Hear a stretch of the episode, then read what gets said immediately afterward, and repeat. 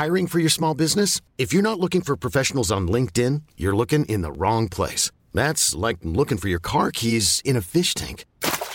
LinkedIn helps you hire professionals you can't find anywhere else, even those who aren't actively searching for a new job but might be open to the perfect role. In a given month, over 70% of LinkedIn users don't even visit other leading job sites. So start looking in the right place. With LinkedIn, you can hire professionals like a professional. Post your free job on linkedin.com slash achieve today. Many of us have those stubborn pounds that seem impossible to lose, no matter how good we eat or how hard we work out. My solution is PlushCare. PlushCare is a leading telehealth provider with doctors who are there for you day and night to partner with you in your weight loss journey. They can prescribe FDA-approved weight loss medications like Wagovi and Zepbound for those who qualify. Plus, they accept most insurance plans. To get started, visit plushcare.com slash weight loss. That's plushcare.com slash weight loss.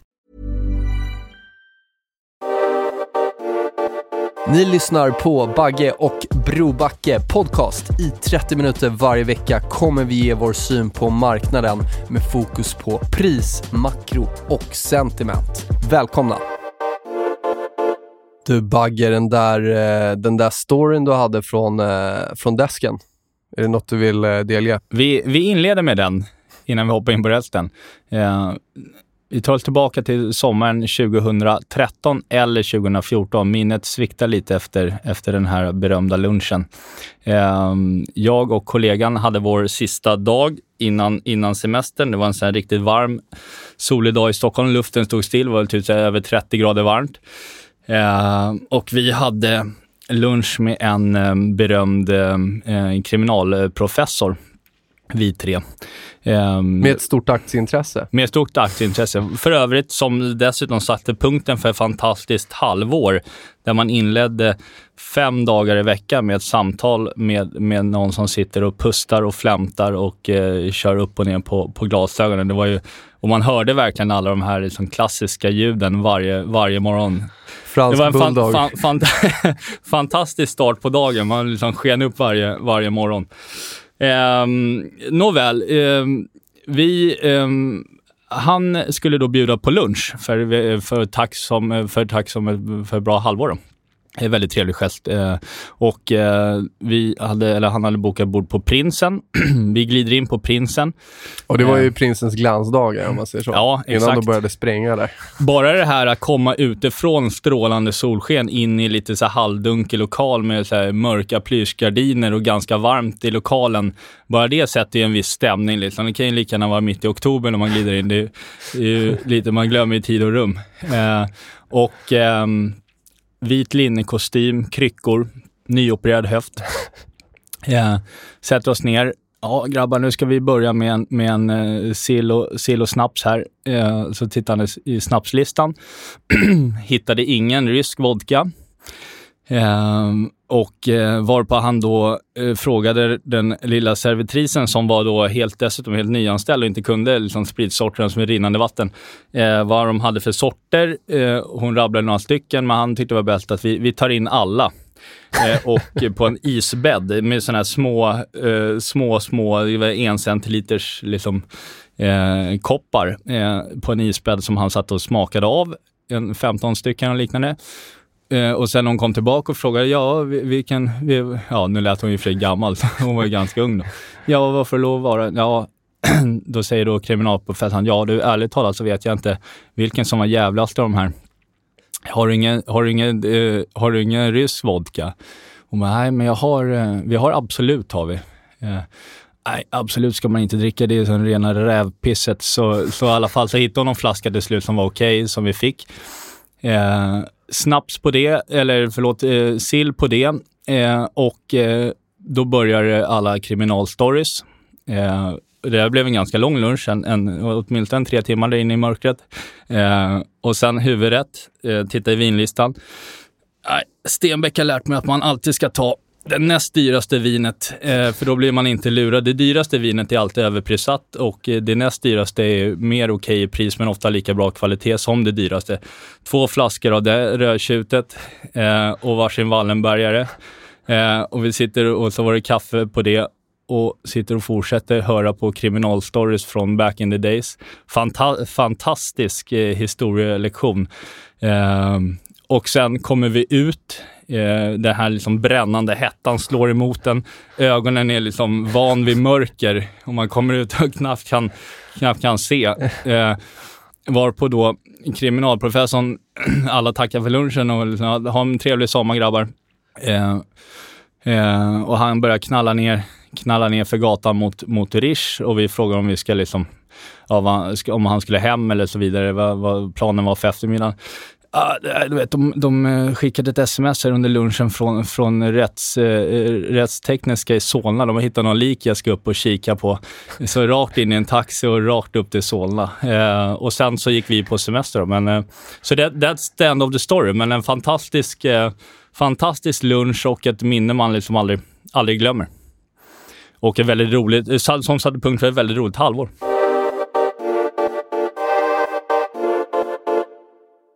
Då var det dags för avsnitt 55 av Bagge och Brobacke Podcast. Passande nog 15 juni 10.12 när vi eh, trycker på reknappen här, eller i alla fall hälsar välkomna efter den lilla desk-storyn. Tack för det Bagge, alltid, ja. alltid roande och eh, man ser ju det här framför sig när, när du berättar, eh, helt klart.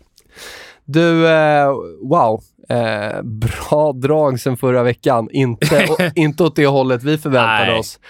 Eh, det man kan säga är ju att eh, egentligen Eh, och det är här jag tycker, eh, återigen slå ett slag för, för liksom teknisk analys och följa prisdatat. Eh, oavsett hur bullad man satt här och var förra veckan så var det ju, fick vi ganska snabbt eh, liksom indikationerna på att det positiva scenariot eh, helt suddades ut och då var det ju Framförallt skulle jag säga när S&P bröt ner under 4100. Sen fick vi 9% ner på ett par dagar. Efter en så lång eh, konsolidering, eh, bryter ner eh, och, och tillsammans då med det här jag har tjatat om, vi vill inte se fortsatt dollarstyrka och dollarn kom verkligen tillbaka med råge samt de stigande räntorna och ja, tioåringen drog upp genom 3% Du ser bonden som har eh, fullständigt ballat ur nu. Mm. Eh, så det blev ju tvärt vad man trodde, men eh, återigen, det är inte prediktioner som, som ska liksom ge resultatet i slutändan, utan eh, det är ju faktiskt, det är faktiskt risk management och positionshantering. Så, så att, eh, så att, och det blev alla återigen påminna om. Det blev man definitivt påmind om och björnarna fick en till seger och en, ja. en, en, liksom en, en fjäder i hatten. Med det sagt, vi ska inte lägga för mycket tid på vad som har hänt. Vi såg också, det kan vi väl nämna också, en, eh, efter en lång konsolidering vid 30 000 i bitcoin mm. så kom det ju in nyheter här om en, eh, en bankrun på en av de, jag vet inte om det är en av de större, men ändå en betydande eh, aktör Eh, Celsius tror jag att den hette, mm. eh, som, fick, eh, som stängde för uttag. Då. Eh, och det skickade ju ner hela kryptomarknaden mm. och även bitcoin. Då, mm.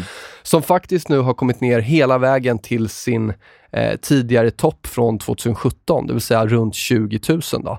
Eh, så otroligt, otroligt viktig nivå där även i, i bitcoin. Men vi ser de här liksom sakerna på rad eh, linade upp sig. Det var S&P som bröt ner, det var räntor som bröt upp, det var dollarn som började stärkas eh, och det var bitcoin och krypto som, som liksom eh, totalt kraschade. Oh. Eh, så det går snabbt. Går snabbt. Ja, det var, det var, just var... det jag skulle säga. Det går snabbt. Ja. Där, därför att eh, vi hade tre dagar med gap ner exempelvis på, på ja, både här hemma men framförallt på S&P då.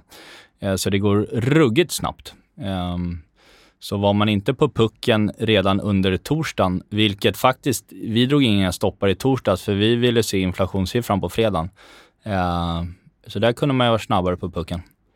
Det kan man ju säga. Ehm. Intressant nu då, det som ändå framstår att det finns en relativ styrka, det måste jag ändå lyfta fram Kina igen. Ja. Eh, Kina hade också tre negativa dagar, men har nu haft eh, påbörjat sin andra starka dag och har reverserat ganska stor del av det raset som skedde. Och då tittar jag på Hongkong, eh, som jag tror bara är ner en eh, egentligen eh, 3 sen den eh, sen den toppen här förra veckan. Då. Mm. Och då är S&P 11 på samma tid. Exakt. Och också kan man se att Europa, även om det har varit surt på både Stockholm och Tyskland, så inga nya lägsta. Nej, Vi försvarar fortfarande bottnarna eh, i både DAX och i, i OMX. Då, och det var ju där 7 mars de kom in. Ja. Eh, OMX mer än, eh, börjar likna en, en trippelbotten.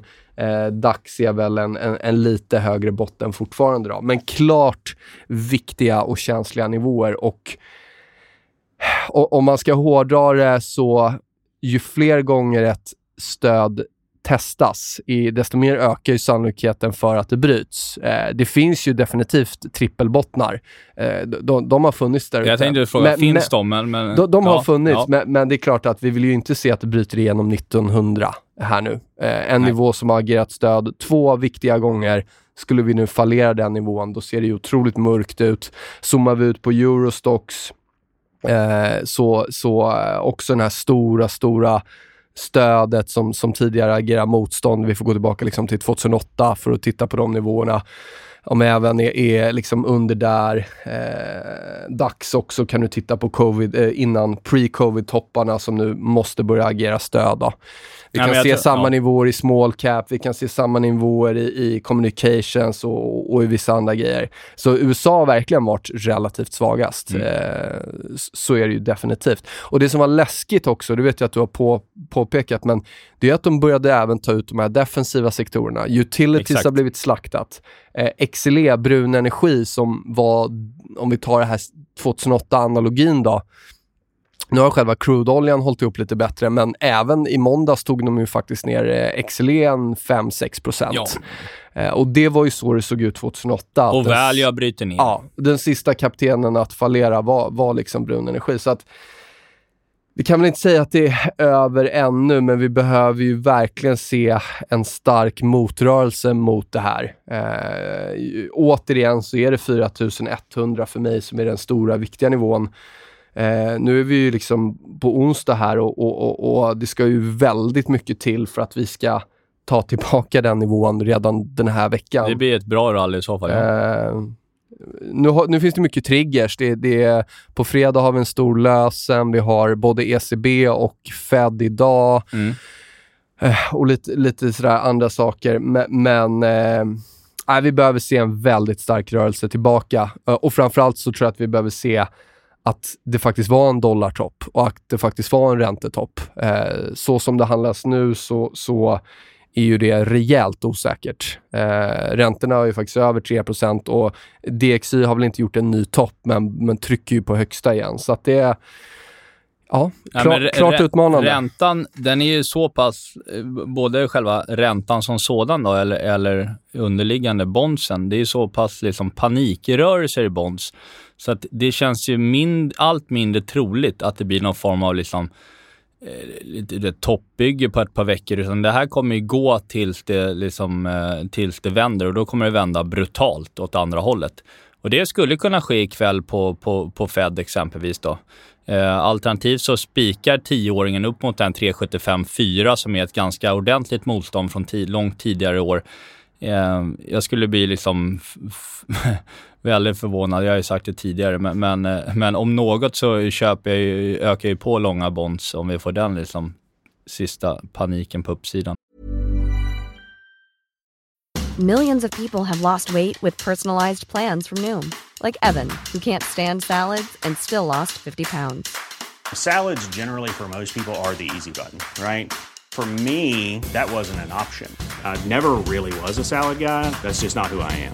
But Noom worked for me. Get your personalized plan today at Noom.com. Real Noom user compensated to provide their story. In four weeks, the typical Noom user can expect to lose one to two pounds per week. Individual results may vary. Hey, it's Ryan Reynolds, and I'm here with Keith, co star of my upcoming film, If, only in theaters, May 17th. Do you want to tell people the big news? All right, I'll do it. Sign up now and you'll get unlimited for $15 a month in six months of Paramount Plus Essential Plan on us. Mintmobile.com slash switch. Upfront payment of $45 equivalent to $15 per month. Unlimited over 40 gigabytes per month. Face lower speeds. Videos at 480p. Active Mint customers by 531.24 get six months of Paramount Plus Essential Plan. Auto renews after six months. Offer ends May 31st, 2024. Separate Paramount Plus registration required. Terms and conditions apply if rated PG. Eh, jag ska gå in på lite recap eller? Även om du har har man fattat eh, helheten så bra. Ja. Men man kan väl säga så här, att det, eh, som du är inne på själv, det har inte funnits någonstans att gömma sig i och för sig eh, den senaste eh, veckan här. Och det är den stora skillnaden mot sell-offs vi faktiskt haft tidigare under året. Därför du har alltid haft typ, ja men brun energi gick bra Mm. eller eh, healthcare står emot eller liksom eh, utility står emot eller så vidare. Value är helt okej. Men den här gången, den stora skillnaden är ju dock att alla de här tidigare, där det dessutom ligger väldigt mycket pengar parkerad. För alla de här stora husen som man läser och pratar med är ju så här, nej men vi är lite mjuka till börsen för året. Däremot så ska du äga defensivt och du ska äga value. Eh, vilket gör att väldigt mycket pengar liksom parkeras i de här eh, eh delarna av börsen. Och som vi vet sedan förra året, eh, våren förra året när tioårsräntan toppade och gick ner till 1,15 under juli. Då hade vi en sell-off i value och cykliskt på 20% Det som räddade börsen den gången var ju att all, det strömmade in i tech, vilket gjorde att indexmässigt, Megacap megacap, ja. Exakt, indexmässigt så blev det inget ras. Eh, det är frågan då, då måste man ställa sig frågan om vi kommer se samma typ av rörelse den här gången när väl räntan toppar. För value kommer inte må bra när räntan toppar. Och konjunkturen ser ut att eh, vara på god väg in i stor risk för recession. Eh, så att all och, och Megacap har ju inte steppat upp nu, Nej. utan det är ju snarare, om vi ska leta med ljus och lykta efter relativ styrka, då är det ju faktiskt small cap eh, och micro cap. Kina och, och, och lite sådana saker som ändå visar någon typ av relativ eh, styrka, utan det är ju inte megacap tech än så länge. Då. Även om det kanske var bättre än, eh, än value. Då. Så att, men, eh, Och vi vet, eh, jag lyfte fram det i Börsmorgon under maj här, eh, 2022, alltså i år, borde vi ha en fyra års cykeltopp i value och det kan man säga att den är effektuerad nu eftersom vi bröt ner i veckan här. Eh, vi hade tidigare toppen 2018, 2014, 2011 och så vidare. Och de, om man tittar på hur lång tid eh, det tar innan en, vi tidigare när man väl har då toppat ur, hur lång tid det tar innan vi når en absolut botten i den här typen av, av liksom delar av börsen, så är det liksom inte en månad, utan här snackar vi liksom minst sex månader upp till liksom 20 månader innan du får en absolut botten, om vi tittar på de tidigare tillfällena. Då. Så att fakt det faktum är ju att value i min värld är ju precis i början av en bear market och där finns det väldigt mycket att ta av. Eh, därför att du har exempelvis S&P om man tittar rent tekniskt är nere på eh, under sitt 50 Fibonacci-nivå. Nästa target på nedsidan blir då 3500 nu när vi bröt under 3 och 8. Det är inte så långt ner till 3 500, det är 3500 dock. Det är typ 5,5-6% från idag. Det är, och eftersom vi inte fortfarande eh, inte haft den här likvidationen som vi har varit inne på tidigare under, liksom, att vi någon gång borde se några. Det har vi inte haft i marknaden. Vi har haft det i, i Junk Bonds, vi har haft det i HYG, High Yield och så, men vi har inte haft det, liksom, det har inte varit de här spyvolymerna i SPY ETF och, och så vidare, QQQ och de här som, eller vi har inte haft en VIX som spikar över 40 och det bränner Nej. till liksom, i form av alltså, det, riktiga. det är lätt att glömma det, men S&P är ju fortfarande upp 30% på tre år.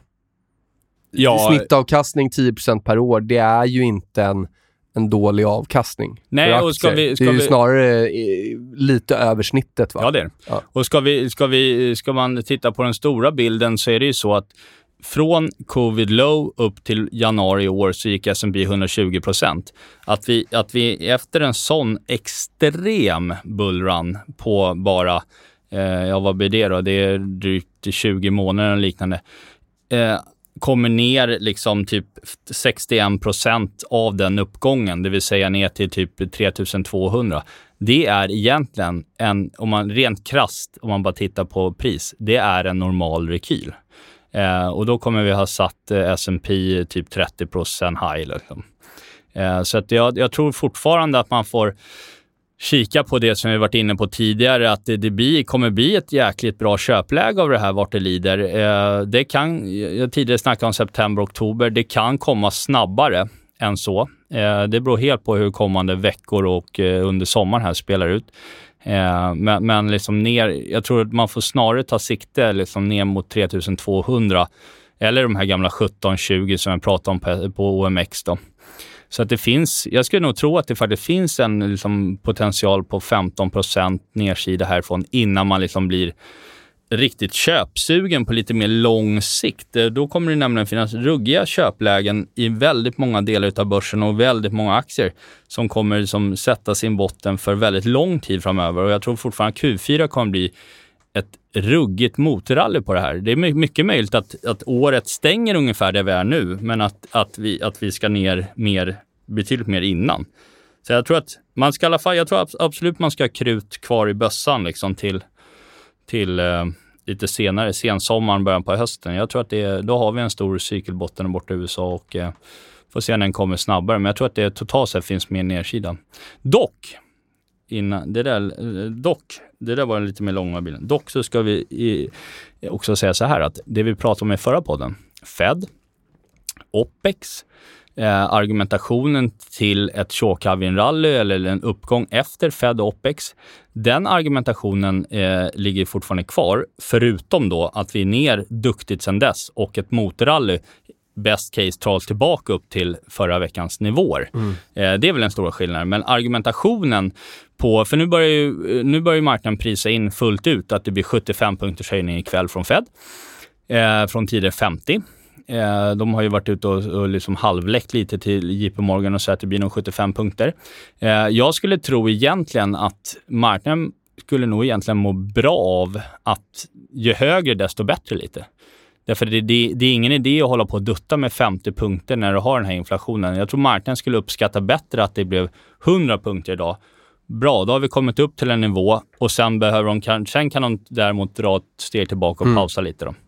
Det som är med inflation, nu, jag, jag kommer återupprepa den igen, liksom det, det, och det, den, den kan ju alltid få fel. Räntemarknaden kan ju få fel också, men tips över IF-bonds, alltså inflationsskyddade bonds över 7 och 10-åriga treasuries, topp toppen var fortfarande i mars. Vi har inte sett en ny topp där, Nej. trots Nej. inflationssiffrorna som rullar in. Nej. Och återigen, den kan få fel. Det finns ju ingen indikator eller relation eller graf som, som eh, alltid kommer ha rätt. Men det var i alla fall den grafen som, som gjorde att jag trodde på stigande räntor liksom från under 1 mm, upp mm, till 3 mm, mm, och har trott på råvarurallyt och allting mm. och det där. Så att jag, jag tycker ändå att om nu det som visade oss vägen upp börjar visa liksom gå emot det rådande konsensus, då tycker mm. jag ändå man ska ha med det i beräkningarna. Och också då om vi ser ytterligare bevis i att de, de tar ut liksom brun energi och, och sådär. Absolut. Så att, eh, vill, ändå, vill ändå flagga för det. Nej, för jag, jag, skulle faktiskt tro, men givet nu hur marknaden har prisat om, det, den stora grejen från, tid, från förra veckan är ju nämligen att Eh, man bör, marknaden började ju prisa att Fed skulle bli mjukare från september. Det, det var ju det de, deras Fed Minutes egentligen visade på där under i slutet av maj. Att vi går data dependent från september och då börjar marknaden prisa in att okej, okay, men då är rate hikes slut i september. Då. Eh, sen dess har vi haft eh, en högaktig ECB plus då en, en, en, inflation som, som kom in starkare än väntat på 8,6 procent igen då, vilket gör att eh, man nu prisar om marknaden igen och det är väl egentligen det, är det, det, är egentligen det stora eh, liksom, som har hänt underliggande. Nu är det ju exempelvis Goldman tror ju på 50 punkter i i september och 50 punkter i november. Och det här med liksom höga november-hikes fanns ju liksom inte på bordet innan förra veckan, utan då var det snarare liksom 50 punkter i september och sen blir det en paus. Eh, så det är väl, det är väl egentligen den stora. Och jag skulle bli lite förvånad om Fed lyckas out hawkish the market liksom i, ikväll. Att man blir ännu mer hökaktiga än vad marknaden tror nu på, på kort sikt. För nu har, vi, nu har vi prisat in ganska mycket här. Det var inte så länge sedan de sa det här “We're not even thinking about thinking about raising rates”. Nej. Jag lyssnade på ett call igår med Moody's på rating på svenska fastighetsmarknaden eh, generellt. Och hon sa ja, vi tror ju fortfarande att inflationen är transitory. Liksom. Okay. Ni är kvar i det kampet, ja. Eh, men, eh, men det är helt klart det är så att inflationen kommer falla som en eh, sten vart det lider.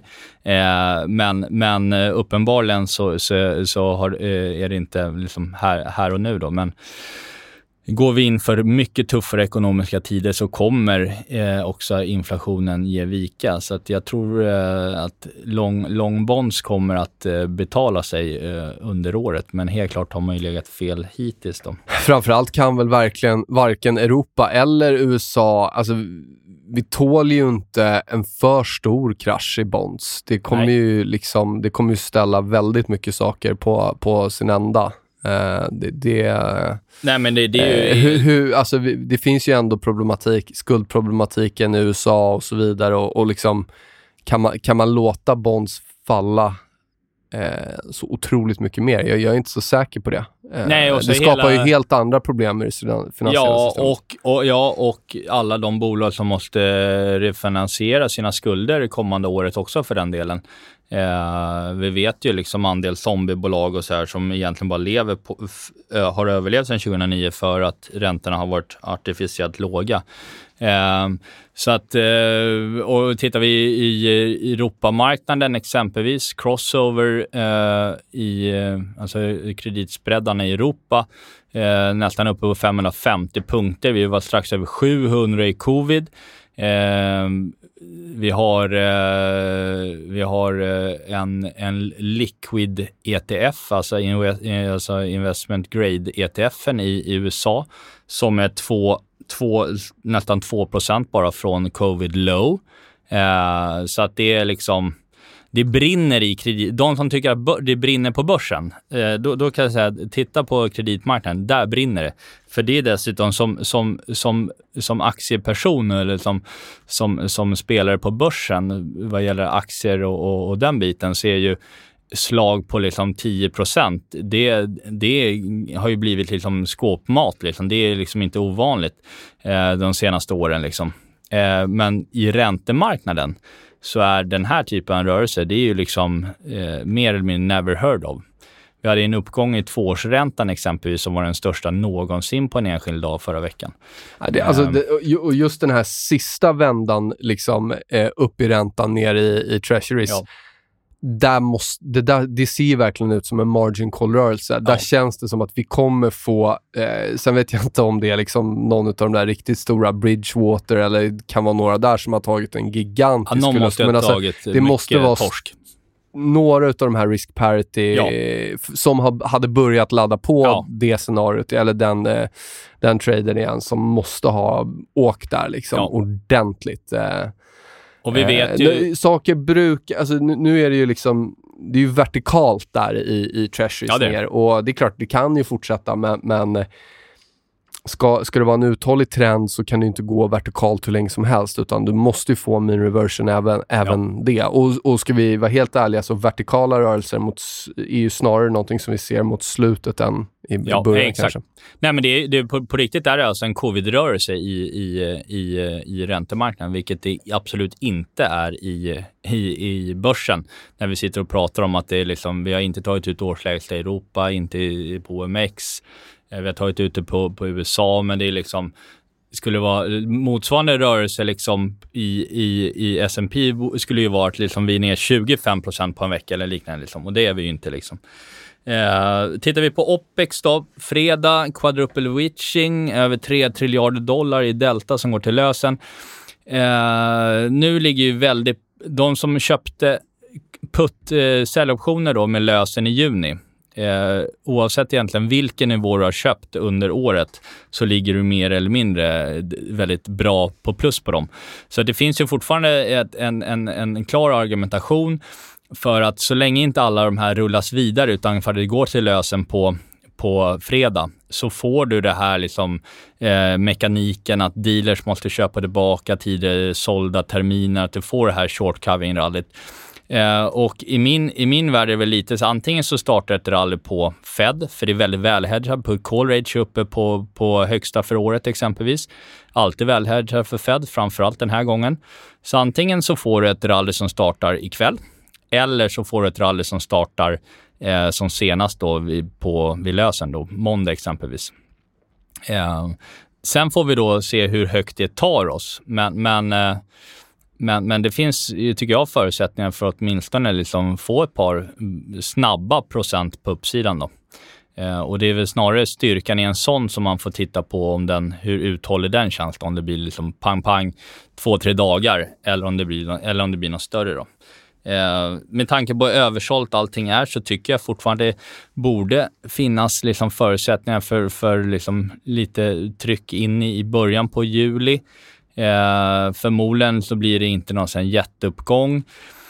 Eh, och att det sen när vi går in i, i rapportperiod och sådär så är det liksom risk på nedsidan. Vi ser idag Geting exempelvis var ju ner duktigt fyra dagar senaste fyra dagarna och så vinstvarning igår efter stängning. Aktien är 16 procent idag. Och, eh, så att det, det är liksom inte...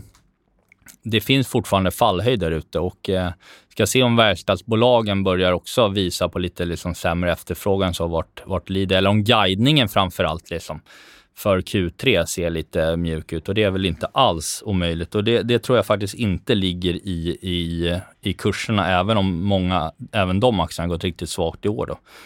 Eh, låt, mig, låt mig ta några från eh, historiken här hur Fed har kommit till rescue vid senaste bear markets vi haft. Det kan vara lite intressant. Vi hade 19... Plunge Protection Team. Ja, 1987, det var i Greenspan-eran. Då kapade man räntorna från 7,3 eh, till 6,5 och satte botten den gången, eh, 87. 1990 Eh, så i nästa bear market så kapade man räntan från 8% till 3 eh, 1998 kapade man från 5,25 till 4,75. Eh, under 2000, då, 2000 till 02 kapade man från 6,5 till 1. Sen kom Bernanke, kuttade finanskrisen från 5,25 till 0. Eh, sen hade vi Greklandskrisen och då, då började man med QE-paketen, Operation Twist och sen var det QE3 som startade 2012. Eh, ja, 2018-20 vet ni vad som hände, man kapade räntan och satte ännu mer QE-paket, både Q, QE4 och QE5. Den här gången däremot då, den stora skillnaden, det är att vi inleder krisen med nollränta, vilket gör då att man ökar räntan hittills då från 0 till 0,75 som är på nu då. Eh, och marknaden prisar in att det blir åtminstone eh, tre, totalt 300 punkter i kommande ränteökningar härifrån då. Och man ska dessutom då, eh, som vi har varit inne på under hela våren, banta balansräkningen. Det, det, och de, de tidigare bear markets eh, har ju då agerat genom att sänka räntan och starta QE-program. Eh, den här gången har man då eh, från Fed, för, för, ska man då försöka få till en mjukladdning i ekonomin genom att göra precis tvärtom. Och jag skulle tro att det kommer gå åt skogen. Man kommer liksom i alla fall få backa på att det här med att börja fortsätta banta balansräkningen. Det ser vi ju på, på inte minst på räntemarknaden, att utan Feds bid i den marknaden så, så är den trasig. Liksom. Ja, men samma Europa. Nu kör ja, ja, vi ett Europa, extrainsatt ja. ECB-möte här ja, idag. Ja, det är klockan 11. Ja. 20 det är minuter. 20 minuter kvar. Och, och räntor har sjunkit faktiskt sen, sen det började komma ut. Ja, och eh, vi kanske inte ska sia så mycket om det, men det man skulle kunna göra, man kommer ju inte förmodligen, man kan inte sänka räntan med den här och eh, frågan är om man höjer räntan när man hade ett ECB-möte i torsdags. Det har inte hänt så där fruktansvärt mycket på tre dagar så att man måste panikhöja eh, i, idag då liksom. Jag tror det, det känns ju troligare att man kommer kommunicera att vi kommer fortsätta med räntehöjningar, men däremot så måste vi stötta kreditmarknaden för att eh, Europa håller på att gå in i recession. Liksom. Skulle kunna vara något sånt och i så fall skulle det komma någon så, den typ av flash att man gör något stöd för, för eh, räntemarknaden här. Eh, någon, någon form av ny nytt, nytt QE då, eller något, något nytt eh, PEP-program eller så. eh, då kommer du, eh, då är det första startskottet på ett, ett short rally här in, in i kommande, kommande veckor. Då. Det skulle jag he, helt klart tro med tanke på hur stretchat allting är på nedsidan. Då.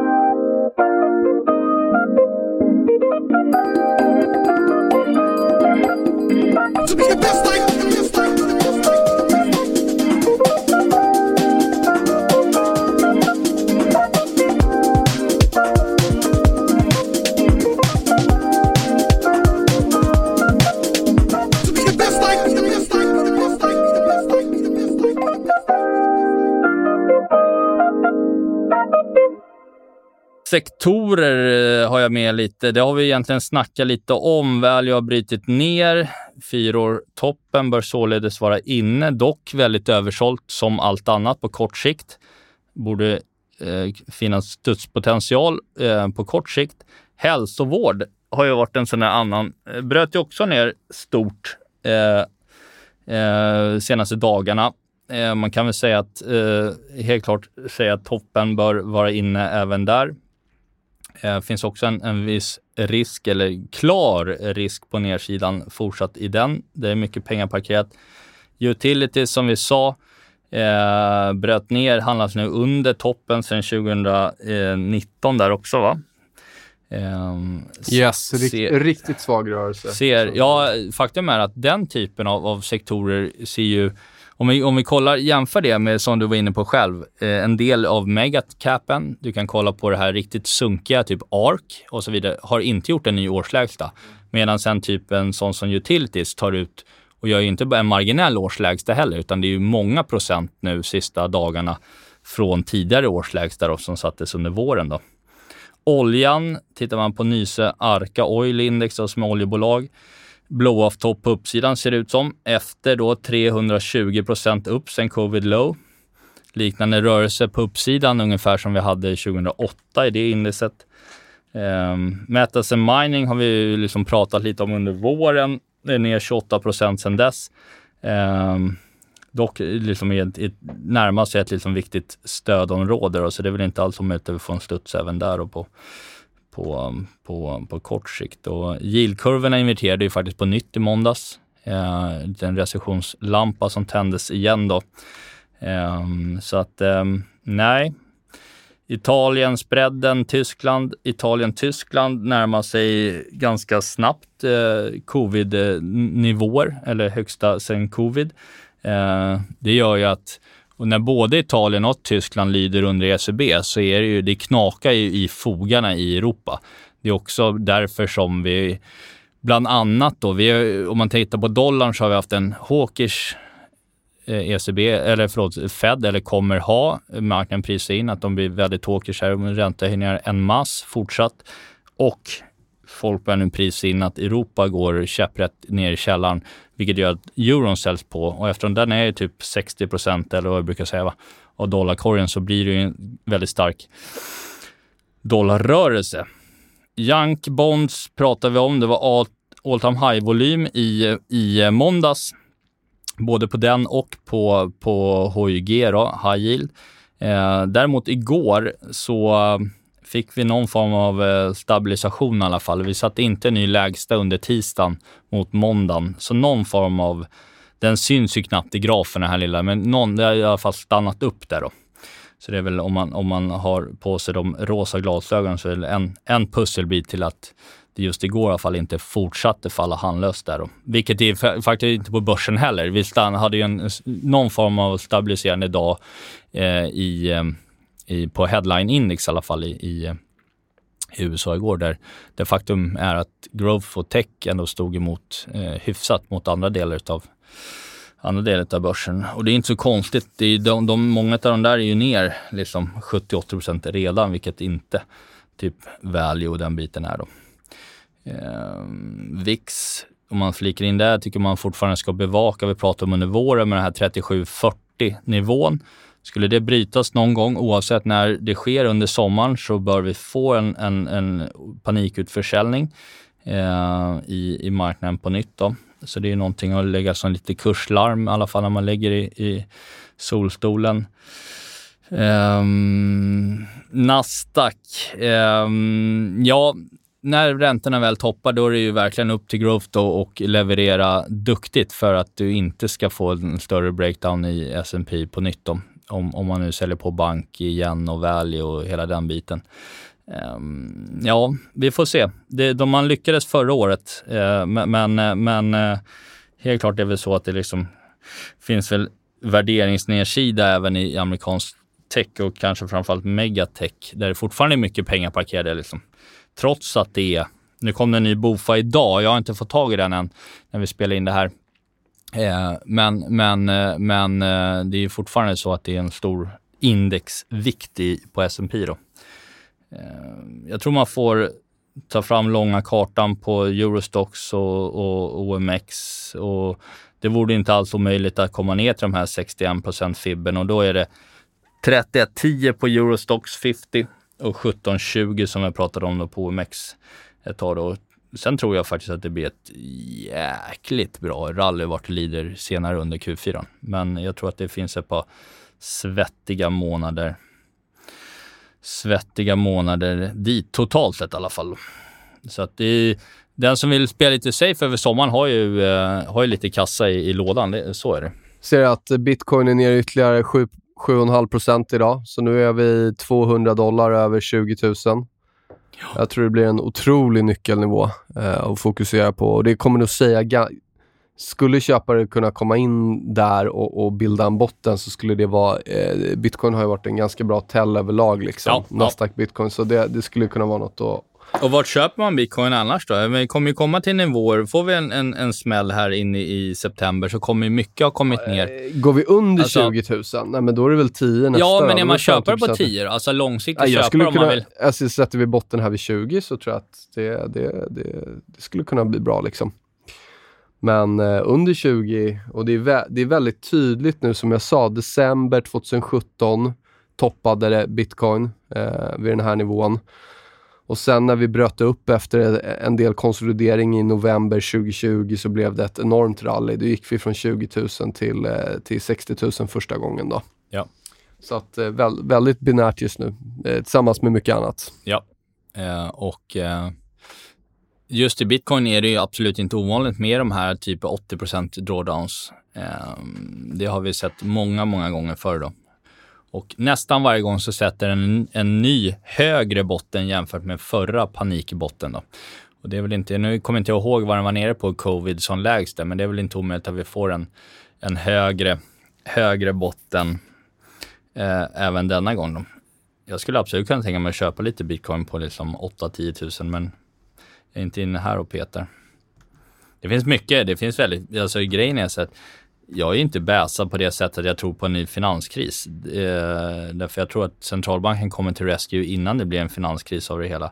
Eh, men, men, men jag menar, jag, ett, ett, par år med en stor konsolidering där vi då har gjort första år på nedsidan som bör vara klart om typ 10-15% ner. Eh, sen. Eh, dags att stänga det där, eller i alla fall eh, minska gapet mellan Kina och USA då kanske? Ja. Kina tech, USA ja. tech. Ja, det, det känns ju inte alls omöjligt alltså. Med den med vetskapen om att den politiska risken i Kina alltid, alltid finns där och rätt vad det är så kan ditt bolag bli, vara ägt av staten. Eh, men, men eh, jag skulle inte tro att Kina, man har kört så mycket regleringar på sin techsektor senaste året eller två åren. Eh, så att, och Kina är ju de liksom, det är väldigt få länder som vill skjuta ut sig själva helt och hållet från världsmarknaden. Snarare tvärtom vill man bli ledande.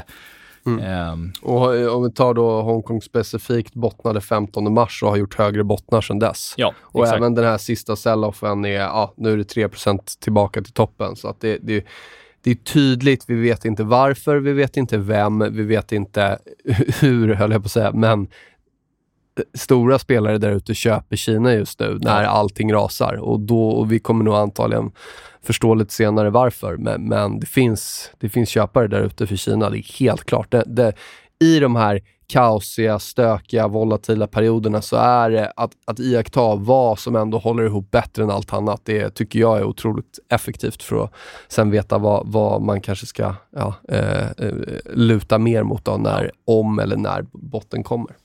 Verkligen.